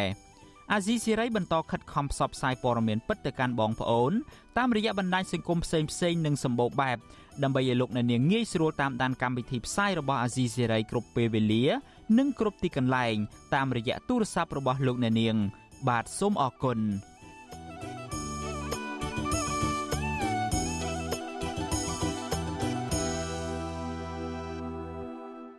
បាទលោកអ្នកនាងជាទីមេត្រីយើងងាកមកចាប់អារម្មណ៍ពាក់ព័ន្ធទៅនឹងស្ថានភាពរស់នៅរបស់ប្រជាពលរដ្ឋនៅតំបន់បឹងតមោកឯនេះវិញពួកគាត់អះអាងថា នឹងបន្តតស៊ូការពារដីលំនៅឋានក្រោយពីអាជ្ញាធរខណ្ឌព្រែកភ្នៅដាក់គ្រឿងចាក់ជាច្រើនគ្រឿងយកទៅជីកប្រឡាយដែលនឹងប៉ះពាល់ដល់ផ្ទះរបស់ប្រជាសហគមន៍មន្ត្រីសង្គមស៊ីវិលឲ្យដឹងថាអាជ្ញាធរនិងរដ្ឋាភិបាលគួរតែគិតគូរពីសិទ្ធិដីធ្លី និងសិទ្ធិលំនៅឋានរបស់ពលរដ្ឋហើយជៀសវាងដាច់ខាតការប្រើអំពើហិង្សាលើប្រជាពលរដ្ឋបាទសូមលោកអ្នកនាងស្ដាប់សេចក្តីរាយការណ៍ដាច់ដライមួយទៀតរបស់លោកលេងម៉ាលីអំពីរឿងនេះដូចតទៅ តំណាងពលរដ្ឋបឹងតមោកលោកស្រីសៀដាវីថ្លែងថាអាញាធរបានដាក់គ្រឿងចាក់ជាច្រើនគ្រឿងរួមមាន excavator ឡានដឹកដី និងកម្លាំងមនុស្សជាច្រើនអ្នកមកជីកប្រឡាយ60ម៉ែត្រស្ថិតនៅចម្ងាយប្រមាណ500ម៉ែត្រពីខាងក្រោយផ្ទះសហគមន៍លោកស្រីដាវីបន្តថាអាញាធរបានកាត់ផ្ទៃបឹងអាស្រ័យផលរបស់ពួកគាត់ឲ្យទៅអ្នកមានលុយមានអំណាចដែលធ្វើឲ្យសហគមន៍មិនអាចអាស្រ័យផលបានដូចមុននោះទេលោកស្រីសៀដាវីព្រួយថា ប្រជាសហគមន៍នឹងទទួលរងអំពើហិង្សាឬត្រូវបានចាប់ខ្លួនប្រសិនបើអាជ្ញាធរបន្តជីកប្រឡាយមកចំផ្ទះរបស់ពួកគាត់ហើយប្រជាសហគមន៍ចេញមកតវ៉ា ឥឡូវចាប់ផ្ដើមជីកយកជារូបរាងបន្លាយពីមុនគាត់កាយផ្ដាច់ទេឥឡូវជីកជារូបរាងបន្លាយហ្មងអញ្ចឹងបងបារម្ភនឹងប្រជាសហគមន៍ផ្សេងផ្សេងទៀតបារម្ភដោយសារតែអាជ្ញាធរគាត់ជីកក្បាត់ខាងក្រោយដីផ្ទះរបស់ពួកខ្ញុំទុកឲ្យ100ម៉ែត្រថានៅក្នុងការដំណោះស្រាយជូនប្រជាពលរដ្ឋប៉ុន្តែឥឡូវគាត់បែរជាជីកបន្លាយហ្នឹងគម្រោងគាត់គឺជីកចូលដីសហគមន៍ហើយពួកយើងអត់ទាន់បានទទួលដំណោះស្រាយទេបើសិនជាបន្លាយ60ម៉ែត្រចំណីបន្លាយនិងចំណីថ្នល់ទៀតពួកខ្ញុំគឺអស់ផ្ទះហ្មងចំណែកតំណាងពលរដ្ឋបឹងតមោកម្នាក់ទៀត លោកស្រីសឿនស្រីសុតលើកឡើងថាអាញាធរតែងតែមកគម្រាមកំហែងនិងបំផ្លាញតូបលក់ដូររបស់ពួកគាត់និងដាក់គ្រឿងចាក់មកជីកប្រឡាយដើម្បីបង្ខំឲ្យពួកគាត់ចេញពីលំនៅឋាន លោកស្រីសឿនស្រីសុតបន្តថាប្រជាសហគមន៍នឹងតស៊ូរស់នៅទីតាំងដដែលព្រោះថាទីតាំងថ្មីដែលរដ្ឋាភិបាលផ្ដល់ឲ្យមិនអាចឲ្យពួកគាត់ប្រកបមុខរបរបានទេសិនជាមានថ្ងៃណាមួយគាត់មកកាយបន្លាយពួកខ្ញុំនឹងទប់ស្កាត់ ប្រើដល់ជីវិតពួកខ្ញុំនឹងតស៊ូដើម្បីការពារដីផ្ទះពួកខ្ញុំឲ្យព្រោះពួកខ្ញុំមិនឈរអប់ដៃមើលឲ្យពួកគាត់មកបំពេញពួកខ្ញុំម្ដងហើយម្ដងទៀតទេព្រោះអីកន្លែងដីបឹងពួកខ្ញុំធ្លាប់អាស្រ័យផលពីមុនមកគាត់បានចាក់លុបអស់ហើយអញ្ចឹងពួកខ្ញុំគ្មានសិទ្ធិហាមទេតែដីផ្ទះគឺខ្ញុំបដូរដល់ជីវិតពួកខ្ញុំហើយអញ្ចឹងសូមឲ្យពួកគាត់ពិចារណានិងគិតគូរសារជាថ្មី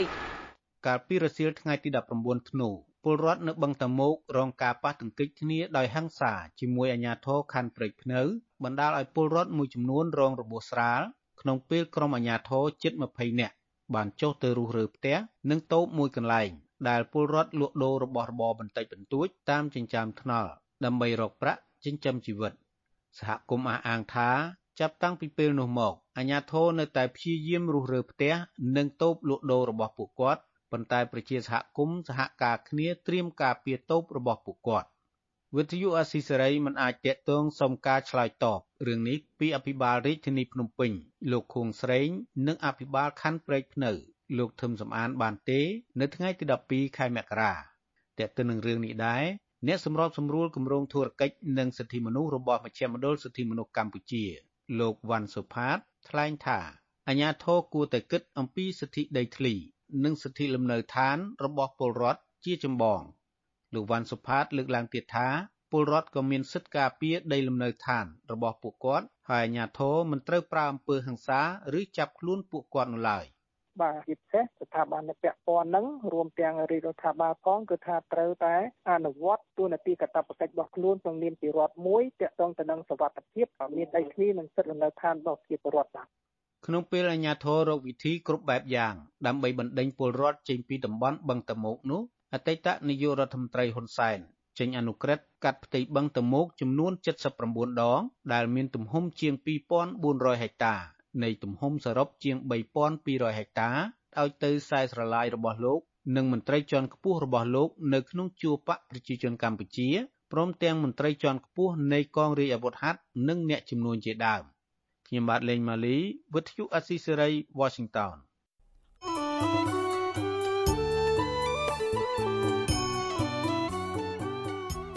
លោកអ្នកនាងកញ្ញាជាទីមេត្រីវិទ្យុអាស៊ីសេរីបានទទួលសំណូមពរពីអ្នកស្ដាប់និងអ្នកទស្សនារបស់យើងច្រើនណាស់ថាកុំឲ្យដាក់ចំណងជើងផ្ទុយពីខ្លឹមសារនៃព័ត៌មានឧទាហរណ៍ដូចជាដាក់ចំណងជើងថា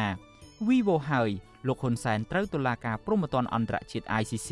យកទៅកាត់ទោសជាដើមក៏ប៉ុន្តែនៅពេលចុចស្ដាប់ទៅមិនលឺនិយាយអំពីរឿងនេះសោះបាទយើងខ្ញុំសូមជម្រាបជូនថាការដាក់ចំណងជើងខុសពីខ្លឹមសារទាំងនេះ គឺជាការបោកប្រាស់របស់ក្រុមអ្នករកស៊ីតាម YouTube ដើម្បីរកលុយតែប៉ុណ្ណោះពួកគេបានលួចយកខ្លឹមសារនៃការផ្សាយរបស់ Vuthu Azizi Siri ទៅកាត់តរួចក៏បដូរចំណងជើងទៅតាមរបៀបប្លែកៗហួសហេតុខុសពីការពិតនៅក្នុងគោលបំណងតាក់ទាញចិត្តរបស់លោកអ្នកនាងកញ្ញាឲ្យទៅចុចស្ដាប់ឬទស្សនាដើម្បីបាន view ឬក៏បានចំនួនអ្នកចូលទស្សនាច្រើនមានអ្នកចុចស្ដាប់កាន់តែច្រើន ពួកគេក៏កាន់តែរកប្រាក់បានច្រើនតាមនោះដែរ វិទ្យុអាស៊ីសេរីមិនដែលដាក់ចំណងជើងខុសពីខ្លឹមសារនោះទេលោកអ្នកនាងកញ្ញាអាចចូលរួមទប់ស្កាត់ការបោកប្រាស់ទាំងនេះបានដោយឈប់ចុចស្ដាប់ឬក៏ទស្សនាការចុះផ្សាយណាដែលដាក់ចំណងជើងខុសប្លែកគួរឲ្យសង្ស័យទាំងនេះជាពិសេសទៅទៀតនោះដើម្បីស្ដាប់ឬមួយក៏ទស្សនាការផ្សាយពិតរបស់វិទ្យុអាស៊ីសេរីសូមលោកអ្នកនាងចូលទៅក្នុង Channel របស់អាស៊ីសេរីតែម្ដង ដែលមានអាសយដ្ឋាន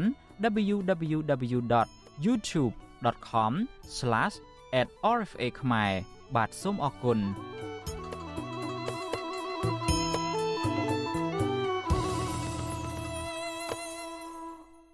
បាទលោកនាងជាទីមេត្រីបេក្ខនារីមកពីទី3នឹងតៃវ៉ាន់ត្រូវបានអ្នករៀបចំកម្មវិធីដកចេញពីការប្រឡងបវរកញ្ញា Miss Global ឆ្នាំ2023ដែលកម្ពុជានិងវៀតណាមធ្វើជាម្ចាស់ផ្ទះដោយសារតែគោលនយោបាយចិនតែមួយកម្ពុជានិងវៀតណាមកំពុងរួមគ្នារៀបចំកម្មវិធីប្រឡងបវរកញ្ញា Miss Global ដែលបានចាប់ផ្ដើមតាំងពីថ្ងៃទី2មករានិងគ្រោងបិទបញ្ចប់ទៅវិញនៅថ្ងៃទី18ខែមករាខាងមុខដែលជាថ្ងៃប្រកួតវគ្គផ្ដាច់ព្រាត់បាទសូមលោកអ្នកនាងស្ដាប់សេចក្តីរាយការណ៍ព័ត៌មាននេះរបស់អ្នកស្រីសុជីវីដូចតទៅម្ចាស់ផលិតកម្មមហាហង្សដែលតំណាងឲ្យភាគីកម្ពុជានៃអ្នករៀបចំកម្មវិធីប្រឡងបវរកញ្ញា Miss Global លោកអិនសុផិនអះអាងប្រាប់វិទ្យុអាស៊ីសេរីនៅយប់ថ្ងៃទី11ខែមករាថាក្រោមគោលនយោបាយចិនតែមួយ មន្ត្រីរដ្ឋាភិបាលបានណែនាំឲ្យដកបេក្ខនារីពីររូបគឺបេក្ខនារីមកពីទីបេនិងតៃវ៉ាន់មិនឲ្យចូលរួមប្រកួតនៅក្នុងកម្មវិធីពិភពលោកមួយនេះលោកអិនសុផិនបន្តថាប៉ុន្តែដោយសារតែមានការសម្របសម្រួលបវរកញ្ញាមកពីតៃវ៉ាន់កញ្ញាលីនដាហួងបានចូលរួមប្រកួតវិញក្រោយពីយល់ព្រមបដូរពីពាក្យថាមកពីតៃវ៉ាន់ទៅជាឈ្មោះដែនដីមួយនៅក្នុងប្រទេសចិនវិញ តែទោះជាយ៉ាងណាបវរកញ្ញាទីបេគឺកញ្ញា Tenzin Palden មិនបានចូលរួមការប្រកួតឡើយ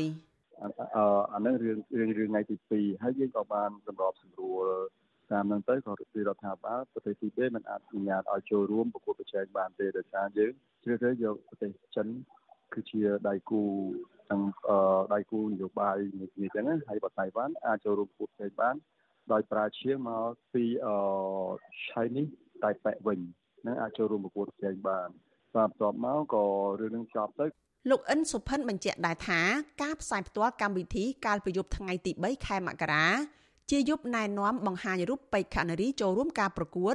ដែលធ្វើនៅកម្ពុជា តាមរយៈបណ្ដាញសង្គមរបស់ទូរទស្សន៍បាយ័នក៏ត្រូវមន្ត្រីរដ្ឋាភិបាលណែនាំឲ្យលុបចេញភ្លាមភ្លាមដែរដោយសារតែបេក្ខនារីទាំងពីរបានណែនាំខ្លួនថាពួកគេមកពីទីបេនិងតៃវ៉ាន់ លោកអិនសុផិនបន្តទៀតថាគ្មានភាពប្រទាំងប្រទើសអ្វីទៀតទេមកដល់ពេលនេះព្រោះអ្នករៀបចំកម្មវិធីយល់ស្របថានេះជាគោលនយោបាយរបស់រដ្ឋាភិបាលលោកចោលទាំងអស់សិនលោកចោលទាំងអស់សិនហើយយើងនឹងកាត់គាត់ពីអ្នកចោលដើម្បីយើងផុសឡើងវិញយើងផ្សព្វផ្សាយឡើងវិញពួកយើងទទួលស្គាល់តែប្រទេសចិនមួយបេក្ខនារីបវរកញ្ញា Miss Global មកពីទីបេកញ្ញា Tenzin Palden ដែលជាបវរកញ្ញាទីបេប្រចាំឆ្នាំ2017 បានចុះឈ្មោះចូលរួមការប្រកួតប្រឡងបវរកញ្ញា Miss Global នៅក្នុងឆ្នាំ2023ដោយបានជាប់នៅក្នុងបញ្ជីបេក្ខនារី25នាក់ដែលមានអ្នកគាំទ្របោះឆ្នោតគាំទ្រច្រើននៅក្នុងការប្រឡងនេះបានប្រាប់វិទ្យុអាស៊ីសេរីថាអ្នករៀបចំកម្មវិធីមួយរូបបានប្រាប់កញ្ញាថារដ្ឋាភិបាលចិន បានដាក់សម្ពាធទៅលើនាយករដ្ឋមន្ត្រីកម្ពុជាហើយគឺនាយករដ្ឋមន្ត្រីលោកហ៊ុនម៉ាណែតផ្ទាល់ដែលជាអ្នកផ្ញើសារទៅប្រាប់អ្នករៀបចំកម្មវិធី ឲ្យបញ្ឈប់មិនឲ្យកញ្ញាបន្តចូលរួមប្រកួតវិទ្យុអាស៊ីសេរីនៅមិនទាន់អាចសុំការបញ្ជាក់ពីអ្នកនាំពាក្យរដ្ឋាភិបាលលោកប៉ែនបូណានិងអ្នកនាំពាក្យនាយករដ្ឋមន្ត្រីលោកមាសសុភ័ណ្ឌអំពីការលើកឡើងនេះបាននៅឡើយទេគិតត្រឹមម៉ោងផ្សាយនេះបើទោះជាយ៉ាងណាលោកអិនសុផិនមិនបញ្ជាក់យ៉ាងណាអំពីរឿងនេះទេដោយលោកយល់ថារដ្ឋាភិបាលមានកិច្ចសហប្រតិបត្តិការជាមួយរដ្ឋាភិបាលចិន នៅក្រោមគោលនយោបាយចិនតែមួយ គឺត្រូវតែអនុវត្តតាមគោលនយោបាយដែលបានកំណត់បើតាមលោកអិនសុផិនពេលនេះក្រុមពេទ្យខនារីប្រឡងបវរកញ្ញា Miss Global កំពុងបន្តសកម្មភាពនានាដែលអ្នករៀបចំកម្មវិធីឲ្យពួកគេធ្វើនៅក្នុងប្រទេសវៀតណាមដើម្បីឈានទៅដល់វគ្គពាក់កណ្ដាលផ្ដាច់ព្រាត់នៅថ្ងៃទី13ខែមករាដែលគ្រោងនឹងធ្វើឡើងនៅឯកោះត្រល់ដែលវៀតណាមដាក់ឈ្មោះថាកោះភូកុកបន្ទាប់ពីនោះក្រុមពេទ្យខនារីនឹងត្រឡប់មកកម្ពុជាវិញ ដើម្បីប្រកួតផ្ដាច់ព្រាត់នៅយប់ថ្ងៃទី18ខែមករាលោកអិនសុភិនរំពឹងថាកម្មវិធីនេះនឹងបានជាផ្នែកមួយជួយជំរុញវិស័យទេសចរនៅកម្ពុជា នៅក្រៅវិបត្តិជំងឺ Covid-19 ពិសេសវិស័យទេសចរនៅខេត្តសៀមរាបពីព្រោះនៅក្រៅការប្រកួតបវរកញ្ញាដែលជាប់នៅក្នុងបញ្ជីលំដាប់ថ្នាក់5នាក់ចុងក្រោយនឹងចំណាយពេលវេលាជាច្រើនថ្ងៃធ្វើកម្មវិធីមនុស្សធម៌និងផ្សព្វផ្សាយនៅខេត្តសៀមរាប នាងខ្ញុំសុជីវីវិទ្យុអាស៊ីសេរីពីរដ្ឋធានី Washington បាទលោកនាងជាទីមេត្រីតកតងទៅនឹងរឿងការនាំចូលសាច់ពីបរទេសឯនេះវិញក្រសួងពាណិជ្ជកម្មនិងក្រសួងកសិកម្មបានប្រកាសហាមឃាត់ការនាំចូលគ្រឿងក្នុង និងបំណែកសាច់បង្កកនៃសត្វជ្រូកគោនិងក្របីរយៈពេល6ខែវិធានការផ្អាកការនាំចូលជាបណ្ដោះអាសន្ននេះនឹងចាប់ផ្ដើមអនុវត្តពីថ្ងៃទី12ខែមីនារហូតដល់ថ្ងៃទី12ខែកញ្ញាឆ្នាំ2024 ក៏ប៉ុន្តែវិធានការនេះមិនអនុវត្តចំពោះគម្រោងវិនិយោគមានលក្ខណៈសម្បត្តិគ្រប់គ្រាន់សម្រាប់ប្រើប្រាស់ជាធាតុចូលផលិតកម្មសម្រាប់ការនាំចេញឡើយសេចក្តីប្រកាសរួមគ្នានេះធ្វើឡើងកាលពីថ្ងៃទី12មករាក្រោយពីសមត្ថកិច្ចកម្ពុជារកឃើញសាច់បង្កកនិងគ្រឿងក្នុងរាប់សិបតោនមានផ្ទុកសារធាតុគីមីហាមឃាត់របាយការណ៍របស់អគ្គនាយកដ្ឋានការពារអ្នកប្រើប្រាស់កិច្ចការប្រគល់ប្រជែងនិងបង្ក្រាបការក្លែងបន្លំឲ្យដឹងថា នៅក្នុងរយៈពេល9ខែដើមឆ្នាំ2023មន្ត្រីជំនាញនៃកបប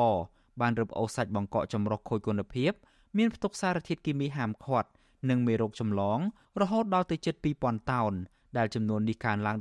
15%បើធៀបទៅនឹងរយៈពេលដូចគ្នាកាលពីឆ្នាំ2022ជុំវិញការនាំចូលសាច់បង្កកទាំងនេះមន្ត្រីសង្គមស៊ីវិលផ្នែកកសិកម្មក៏បានជំរុញឲ្យមន្ត្រីតាមព្រំដែន ត្រួតពិនិត្យសាច់នាំចូលពីប្រទេសជិតខាងឲ្យបានដិតដល់ដើម្បីកុំឲ្យប៉ះពាល់ដល់សុខភាពប្រជាពលរដ្ឋនិងអ្នកចិញ្ចឹមសត្វនៅក្នុងស្រុក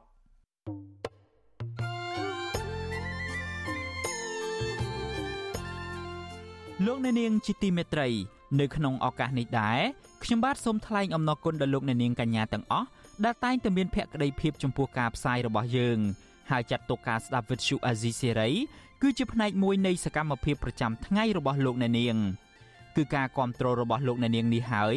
ដែលធ្វើឲ្យយើងខ្ញុំមានទឹកចិត្តកាន់តែខ្លាំងក្លាថែមទៀតនៅក្នុងការស្វែងរកនិងផ្តល់ព័ត៌មានជូនលោកអ្នកនាងមានអ្នកស្ដាប់អ្នកទស្សនាកាន់តែច្រើនកាន់តែធ្វើឲ្យយើងខ្ញុំមានភាពស្វាហាប់មោះមុតជាបន្តទៅទៀតយើងខ្ញុំសូមអរគុណទុកជាមុនហើយសូមអញ្ជើញលោកអ្នកនាងកញ្ញាទាំងអស់ចូលរួមជំរុញឲ្យសកម្មភាពផ្តល់ព័ត៌មានយើងនេះកាន់តែជោគជ័យបន្ថែមទៀតលោកអ្នកនាងអាចជួយយើងខ្ញុំបានដោយគ្រាន់តែចុចចែករំលែកឬមួយក៏ Share ការផ្សាយរបស់យើង នៅលើបណ្ដាញសង្គម Facebook និង YouTube ទៅកាន់មិត្តភ័ក្តិដើម្បីឲ្យការផ្សាយរបស់យើងបានទៅដល់មនុស្សកាន់តែច្រើន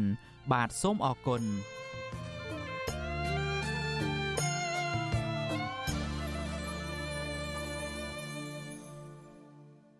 បាទលោកអ្នកនាងជាទីមេត្រីពាក់ព័ន្ធទៅនឹងរឿងបរិស្ថានឯនេះវិញបណ្ដាញសហគមន៍ការពារព្រៃឡង់ខេត្តព្រះវិហារអះអាងថា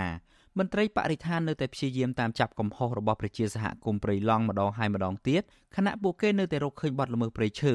កើតមានក្នុងដែនជម្រកសត្វព្រៃឡង់មន្ត្រីសង្គមស៊ីវិលយល់ថាអាញាធរគួរតែព្យាយាមតាមចាប់ជនល្មើសប្រសើរជាងតាមធ្វើទុកបុកម្នេញទៅលើអ្នកការពារព្រៃឈើបាទលោកទីនហ្សាការីយ៉ាសូមជូនសេចក្តីរាយការណ៍ពឹស្ដារអំពីរឿងនេះដូចតទៅ បណ្ដាញសហគមន៍ព្រៃឡង់ខេត្តព្រះវិហារដែលតែងតែចោះល្បាតនឹងរកឃើញបទល្មើសព្រៃឈើនៅក្នុងតំបន់ការពារព្រៃឡង់អះអាងថាមន្ត្រីបរិស្ថាន នៅតែតាមចាប់កំហុសរបស់ប្រជាសហគមន៍តែមិនព្រមអនុវត្តច្បាប់និងស្វែងរកជនល្មើសនិងអ្នកជាប់ពាក់ព័ន្ធយកទៅចាត់វិធានការតាមផ្លូវច្បាប់នោះឡើយបណ្ដាញសហគមន៍ការពារព្រៃឡង់ខេត្តព្រះវិហារលោកខេមសុខីប្រាប់វិទ្យុអាស៊ីសេរីកាលពីថ្ងៃទី12មករាថាមន្ត្រីបរិស្ថានបានទទួលស្គាល់ថាមានបទល្មើសព្រៃឈើពិតប្រាកដមែន ប៉ុន្តែមិនបានខ្នះខ្នែងស្វែងរកបទល្មើសព្រៃឈើនិងអ្នកជាប់ពាក់ព័ន្ធនោះឡើយផ្ទុយទៅវិញមន្ត្រីបរិស្ថានគ្រាន់តែចង់យកឈ្នះចាញ់ជាមួយប្រជាសហគមន៍តែប៉ុណ្ណោះលោកទទូចទៅអាជ្ញាធរពាក់ព័ន្ធឲ្យជួយបង្ហាញភាពស្មោះត្រង់ជាមួយសហគមន៍ក្នុងការចោះល្បាតបង្ក្រាបបទល្មើសព្រៃឈើនៅតំបន់ព្រៃឡង់ពិតប្រាកដមិនគួរមានល្បិចចង់ធ្វើបាបប្រជាសហគមន៍ដែលមានចិត្តការពារព្រៃឈើនោះទេ ងាកមកធ្វើកិច្ចការងារសហប្រតិបត្តិការជាមួយបណ្ដាញសហគមន៍ព្រៃឡង់ហើយនឹងផ្ដល់សិទ្ធិអំណាចដល់បណ្ដាញសហគមន៍ព្រៃឡង់ឲ្យគាត់អាចអនុវត្តសិទ្ធិរបស់គាត់ស្របតាមច្បាប់រដ្ឋធម្មនុញ្ញមាត្រា35ស្របតាមច្បាប់ស្ដីពីតំបន់ការពារធម្មជាតិឲ្យគាត់ចូលរួមការពារព្រៃឈើនៅក្នុងតំបន់ព្រៃឡង់ដោយសេរីដោយមិនមានលក្ខខណ្ឌបាទកាលពីចុងឆ្នាំ2023បណ្ដាញសហគមន៍ការពារព្រៃឡង់ខេត្តព្រះវិហារប្រមាណជា30នាក់បានចុះល្បាតស្រាវជ្រាវបទល្មើសក្នុងតំបន់ព្រៃឡង់អស់រយៈពេល3យប់4ថ្ងៃ ដែលរកឃើញបទល្មើសព្រៃឈើជាច្រើនករណីស្ថិតនៅចំណុចភូមិកគីលស្ថិតនៅចំណុចភ្នំកគីលកំពល់យោកជាំតងក់អូអាចដែកនិងព្រានអាំក្នុងដែនចម្រោកសត្វព្រៃឡង់បន្ទាប់មកនៅថ្ងៃទី8មករាមន្ត្រីបរិស្ថានខេត្តព្រះវិហារបានកោះហៅបណ្ដាញសហគមន៍ព្រៃឡង់ថាសហការរួមគ្នាដើម្បីចុះល្បាតនៅក្នុងតំបន់ការពារព្រៃឡង់ផ្ទុយទៅវិញមន្ត្រីបរិស្ថានឲ្យសហគមន៍ទៅបង្ហាញគោលឈើនិងការកាប់ទន្ទ្រានព្រៃ ជំវិញរឿងនេះអនុប្រធានមន្ត្រីបរិស្ថានខេត្តព្រះវិហារលោកមាសញឹមទទួលស្គាល់ថាពិតជាមានបទល្មើសព្រៃឈើត្រង់ចំណុចទាំងអស់នៅក្នុងដែនចម្រុះសត្វព្រៃឡង់ហើយមន្ត្រីរបស់លោកបានស្រាវជ្រាវនិងកសាងសំណុំរឿងបញ្ជូនទៅតុលាការរួចរាល់ហើយដែរ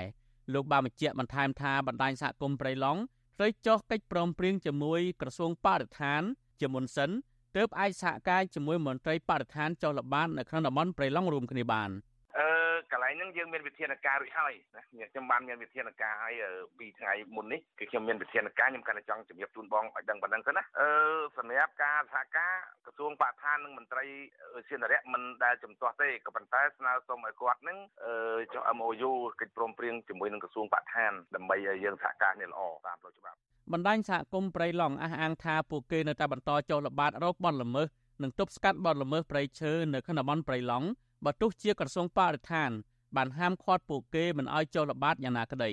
ពួកគេសំអាងថាព្រៃអភិរក្សនេះជាសម្បត្តិធម្មជាតិនិងជាកេរមរតកដូនតា កាលពីឆ្នាំ2023កន្លងទៅសហគមន៍ព្រៃឡង់សកម្មជនបរិស្ថាននិងអង្គការជាតិអន្តរជាតិបានរកឃើញថានៅតំបន់ជំវិញព្រៃឡង់មានក្រុមហ៊ុនចំនួន2គឺក្រុមហ៊ុន Macro Logistics និងក្រុមហ៊ុន Sibiotech បានបញ្ជូនកម្មករចូលទៅកាប់និងដឹកជញ្ជូនព្រៃឈើចេញពីដែនចម្រោកព្រៃឡង់ យ៉ាងអនាធបត័យ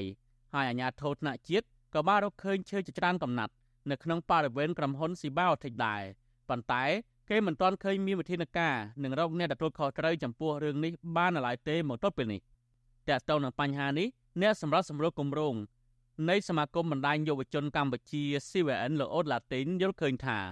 មន្ត្រីបរិស្ថានដែលការពារនៅតំបន់នោះត្រូវតែទទួលខុសត្រូវ ក្នុងការបណ្ដាលបណ្ដោយឲ្យមានបទល្មើសព្រៃឈើនៅក្នុងតំបន់ព្រៃឡង់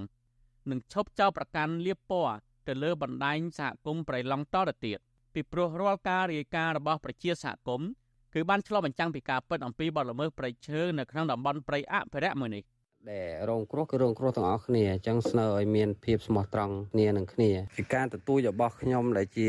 បណ្ដាញសហគមន៍ព្រៃឡង់គឺសូមឲ្យក្រសួងបរិស្ថានហ្នឹងអនុវត្តច្បាប់ឲ្យបានតឹងរឹងទី1គឺអនុវត្តច្បាប់ទៅលើ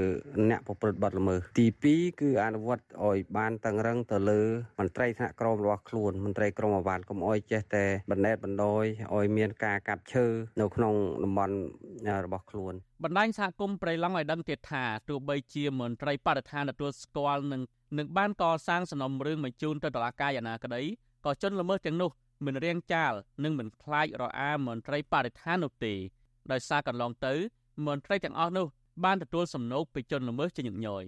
ព្រៃឡង់ដើរតួនាទីយ៉ាងសំខាន់ក្នុងការផ្ដល់ជីវភាពជូនប្រជាពលរដ្ឋនៅជំវិញតំបន់នោះប្រមាណជាង2សែននាក់ភ ೇಕ ច្រើនជាជនជាតិដើមភាគតិចគួយព្រៃមួយនេះ សម្បូរទៅដោយជីវៈចម្រុះគ្រប់ប្រភេទដែនចម្រុះសត្វព្រៃឡង់មានផ្ទៃដីជាង400,000ហិកតា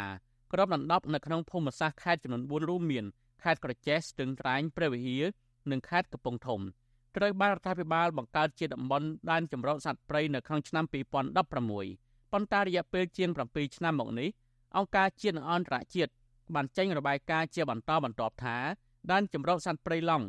តែងតែរងការកាប់ឈើធ្វើអាជីវកម្ម និងការកាប់ទន្ទ្រានដីព្រៃធ្វើជាកម្មសិទ្ធិពីសំណាក់ក្រុមឈ្មួញនិងក្រុមហ៊ុនដីសម្បត្តិសេដ្ឋកិច្ចនៅជំវិញតំបន់នោះយ៉ាងអនាធបត័យ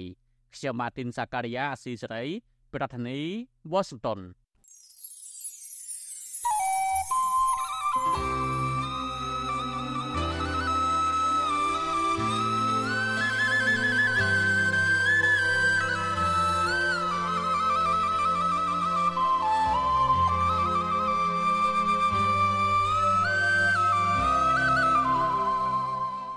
លោកអ្នកនាងជាទីមេត្រីការផ្សាយរយៈពេល1ម៉ោងរបស់វិទ្យុអាស៊ីសេរីនៅព្រឹកនេះចប់ត្រឹមតែប៉ុណ្ណេះ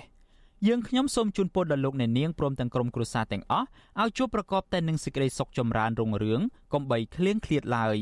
ខ្ញុំបាទយ៉ងច័ន្ទដារាព្រមទាំងក្រុមការងារទាំងអស់នៃវិទ្យុអាស៊ីសេរីសូមអរគុណនិងសូមជម្រាបលា